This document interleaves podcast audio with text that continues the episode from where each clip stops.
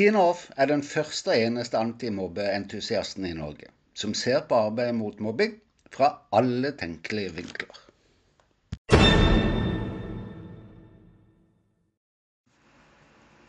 Velkommen til ukens antimobbeentusiasten. I dag har jeg tenkt å gå ut av møterommene og mer inn i skolehverdagen. Fordi at ikke helt sjelden møter jeg utsagn som På vår skole er det ikke mobbing. Eller På vår skole har vi et sabla godt skolemiljø. Og så kalle seg inn i ei særlig langvarig og kompliserte mobbsaker akkurat der. Hva lener vi oss på når vi sier det? Er det svarene fra de årlige undersøkelsene, eller er det basert på hvordan du og jeg syns vi har det her på skolen? Glemmer vi litt at skolen er litt som sosiale medier? Altså at hvordan du oppfatter Facebook, Twitter eller Instagram kan være helt forskjellig fra hvordan min konto ser ut og oppfattes. I en travel skolehverdag kan en kanskje ta for gitt at hvordan skolehverdagen oppfattes for meg, med i form av rektorrollen, skolelederrollen eller lærerrollen, er slik alle andre oppfatter den også. Da må jeg bare få lov til å si. Det er over 60 000 barn og unge som årlig gir oss beskjed om at de opplever mobbing i skolehverdagen på vår vakt. Det antas at ca. 40% opplever mobbing, ikke sier fra til noen. At vi har over 12 000 barn og unge som opplever skolevegring. Det er altså flere barn og unge i hvert eneste klasserom som opplever ikke å ha det bra. Din og min oppfatning kan altså avvike sterkt fra elevenes egne. Hadde det da ikke vært lurt å ha et realistisk bilde av skolemiljøet? Lyst på et forslag til hvordan? Klart jeg deler min metode med det. Den heter Ta tempen på skolemiljøet. Velkommen til episode 45. I dag har vi mye vi skal gjennom, men først jeg må bare få lov til å skyte inn at jeg får med meg alle spørsmålene om lærerrollen, verktøy til lærere osv. Og, og jeg er utrolig takknemlig for alle som sender meg spørsmål. Jeg svarer hver og en, men jeg har valgt å vente med lærerne i podkasten fordi jeg syns de har nok med koronaturbulens og fagfornyelsen. Jeg kommer til det. Jeg lover. Tanken min er altså å bygge noen gode rammer og tips og triks som gir støtte og drahjelp i arbeidet mot mobbing, og håndtering av de utenomfaglige områder også. På system, kommunalt og skoleledernivå vil det kunne bidra til eh, forbedring, med betydning også for læreren, tenker jeg da. Men altså, jeg kommer til det. Jeg lover. Bare så det er sagt. Ok, tilbake til dagens tema. Hvordan ta tempen på skolemiljøet? Min metode utnytter bare andres sabla gode ideer og kombinerer ulike oppskrifter med forskningsfunn på hva som fungerer. F.eks. tar jeg utgangspunkt i den samme holdninga som en ser er mest fruktbart i møte med barn og unge som opplever mobbing. Akkurat som ved elevsentrert skoleledelse. Det å drive utviklingsarbeid i lærende organisasjoner, i veiledningsrollen osv. osv. Jeg snakker om å ta utgangspunkt i enkeltindividet, altså meg, egne utfordringer og behov i møte med både regelverk og krav, andres utfordringer og løsninger, og så, og det som kanskje skiller min metode mest fra andres, en øyeåpner, eller realitetssjekk, som det faktisk er, og som har betydning for meiets utvikling, gruppens fellesutvikling, og så har det drivkraften i seg for justering. Du fanger det opp etter hvert, så la oss gå i gang. Å ta tempen på skolemiljøet inkluderer alle involverte i skolen, de med direkte betydning for skolemiljøet. Fem grupper. Elever, lærere, foreldre, FAU og rektorskoleledelsen. Og det er denne rekkefølgen jeg følger i arbeidet også. Det har sin årsak. Hver gruppe møtes for seg, klassevis for elevene, foreldrene og i noen tilfeller klasseråd for lærerne, men ellers skolens voksne samla i sine grupper. På litt ulik måte følger hver gruppe et mønster. En intro til temaet pluss hvorfor i plenum. To å ta stilling til ulike deltemaer i smågrupper. Tre en hver stemme teller-sekvens. Og fire avslutter med en plenumsoppsummering og en konkret liste som jeg kaller 'Med vennlig hilsen'. Det er altså ingen hokus pokus det er snakk om. Men det er noen avgjørende tidspunkt jeg har lyst til å poengtere i dag.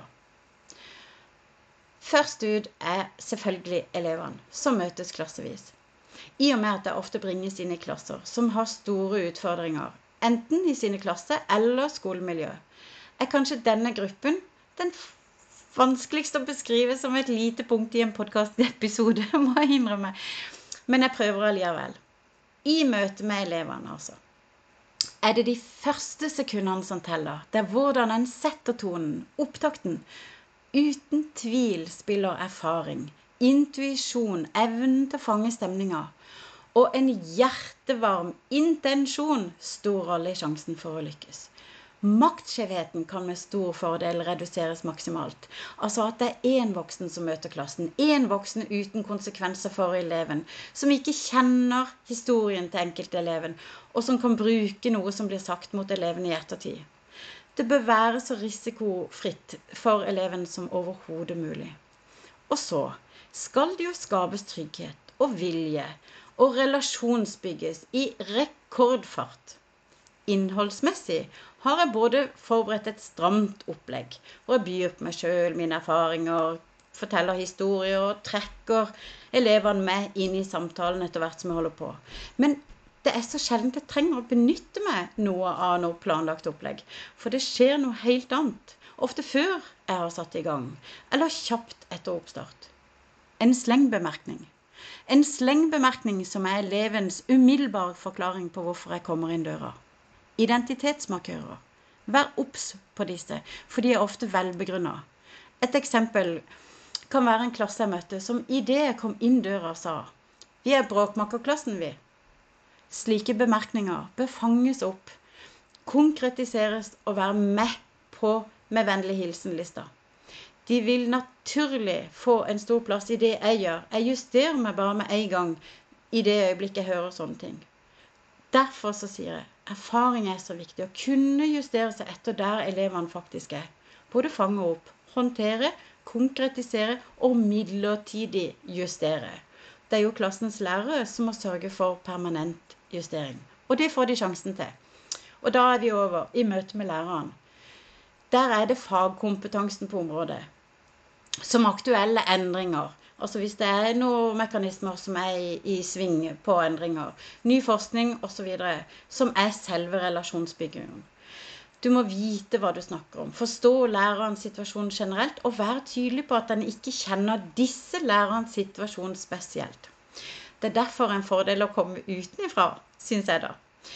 Et ensidig fokus på lærerens utfordringer og behov det er fruktbart som introduksjon til gruppediskusjonene om konkrete spørsmål. Med vennlig hilsen-lista for lærere er punkter til foreldre og til skolens ledelse. Og det er når den er laga av eh, at det henter inn elevenes med vennlig hilsen-liste. Å se seg sjøl, nemlig, gjennom elevenes opplevelse av sin situasjon og hvilke behov de har, gjør jo da at en får opp, men får tydeliggjort de to oppfatningene. Lærerens oppfatning som de allerede har lagd, og så elevenes som de nå får servert. Hvor de avviker fra hverandre, og hvor de kanskje har felles behov. Jeg lar læreren ligge. I møte med foreldrene da, så lager de også en med vennlig hilsen-liste til, til, til, til lærere og skoleledelse. Eh, og så hentes jo inn relevante deler av listene som elevene har lagd, og lærerne har lagd i diskusjonen med foreldrene. Når det gjelder FAU, så er møtene litt annerledes. Fordi det mer handler om å abstrahere informasjonen fra elever og foreldre. Kanskje også deler av lærerens liste. Og så pøse på med nyttige tips til enkle handlinger, strategier å kunne ta i bruk. Rett og slett vise at det på en enkel måte, litt smart planlegging, går an å få til mye uten at det belaster den enkeltes travle hverdag. Ikke minst handler det om å gi FAU den rollen som den burde ha. Både sett i lys av regelverket, som de fleste ikke kjenner til, by the way, og i påpasserrollen sin, støttespillerrollen sin og miljøbyggerrollen sin. Unnskyld. Til slutt møter jeg rektorer. Selv om det kan være et eget skoleledermøte, møter jeg alltid rektorene alene til slutt. I skoleledermøtet er det å oppsummere alle punktene fra de ulike listene, diskutere hva det betyr, og så fremme konkrete løsninger for veien videre. Det som skjer. Mens i rektorsamtalen kollokverer eller idémyldrer vi rundt utfordringene, løsninger, og åpner for spørsmål som faktisk ingen andre trenger å vite at en rektor kan ha. Fordi rektor har òg en enkeltstemme. Så drar jeg hjem og skriver en rapport, inkludert alle med vennlig hilsen-lister, oppsummeringer og anbefaler til veien, veier videre, slik at alt ikke havner i glemmeboka, men kan jobbes videre med. Poenget er å gjøre prosessen til noe mer enn en undersøkelse med noen gitte fordelinger av hvor fornøyde eller misfornøyde de ulike gruppene er.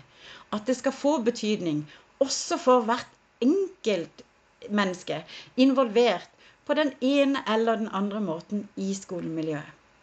Helt konkret, til slutt, benytter jeg egne spørsmål til hver gruppe som utfordrer meg, altså hver enkelts betydning for miljøet i tråd med forskningsfunn, som utfordrer holdninger, som appellerer til bedre forståelse for andre situasjoner, som åpner for erfaringsdeling og fellesskap gjennom idémyldring og konkretisering av løsninger innad i gruppene.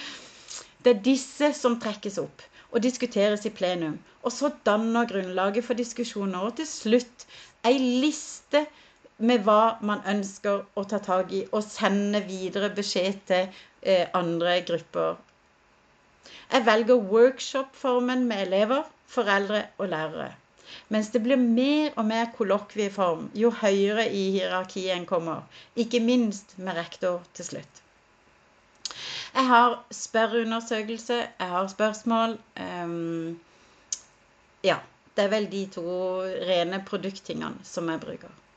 Dette, folkens, denne prosessen med å ta tempen med skolemiljøet er noe vi burde gjøre på alle skoler i hele landet minst to ganger i året. Det er så viktig at vi ikke glemmer å stikke teene i tanget eller vannet og finne ut om temperaturen er varm eller kald før vi stuper uti og risikerer å få sjokk.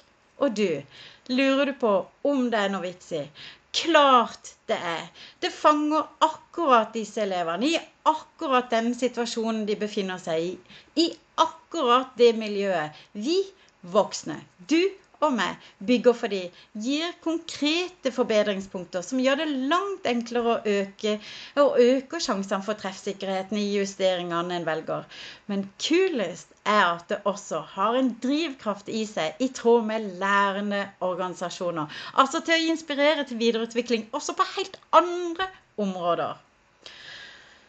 Ja, ja, da kan jeg ikke noe annet enn å krysse fingrene og håpe at du fikk noe ut av dette på øret. Og at du fikk noe å tenke på. Jeg anbefaler det i hvert fall. På det sterkeste. God uke.